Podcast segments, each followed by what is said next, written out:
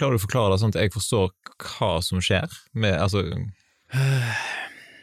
Ja, hvordan skal en forklare det? Altså, greiene er at du har jo en blokkjede Ja, det ble masse.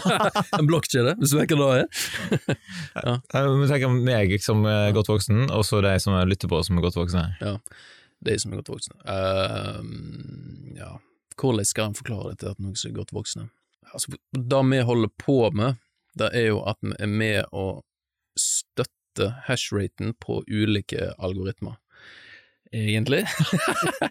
Enkelt forklart, men eh, eh, noen spesielle kryptoer trenger du eh, regnekraft for å komme til neste blokk, hvis du vet hva det er, på blokkjeden. Nei.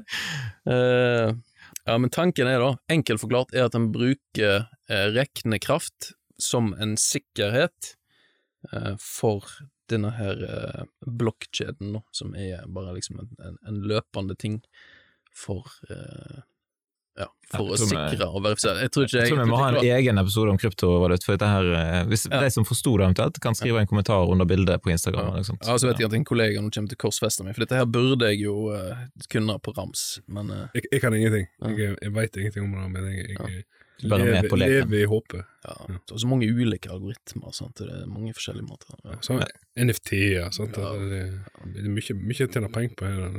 Ja. JPG-er og Kvitteringer. Ja. Ok, ullmonster har jeg investert i. jeg Du har investert i Ullmonster. Ah, da. Hvordan gikk det med Animals. ugler det ja, ja, noen ugler også. ja, det tjente jeg noen penger på.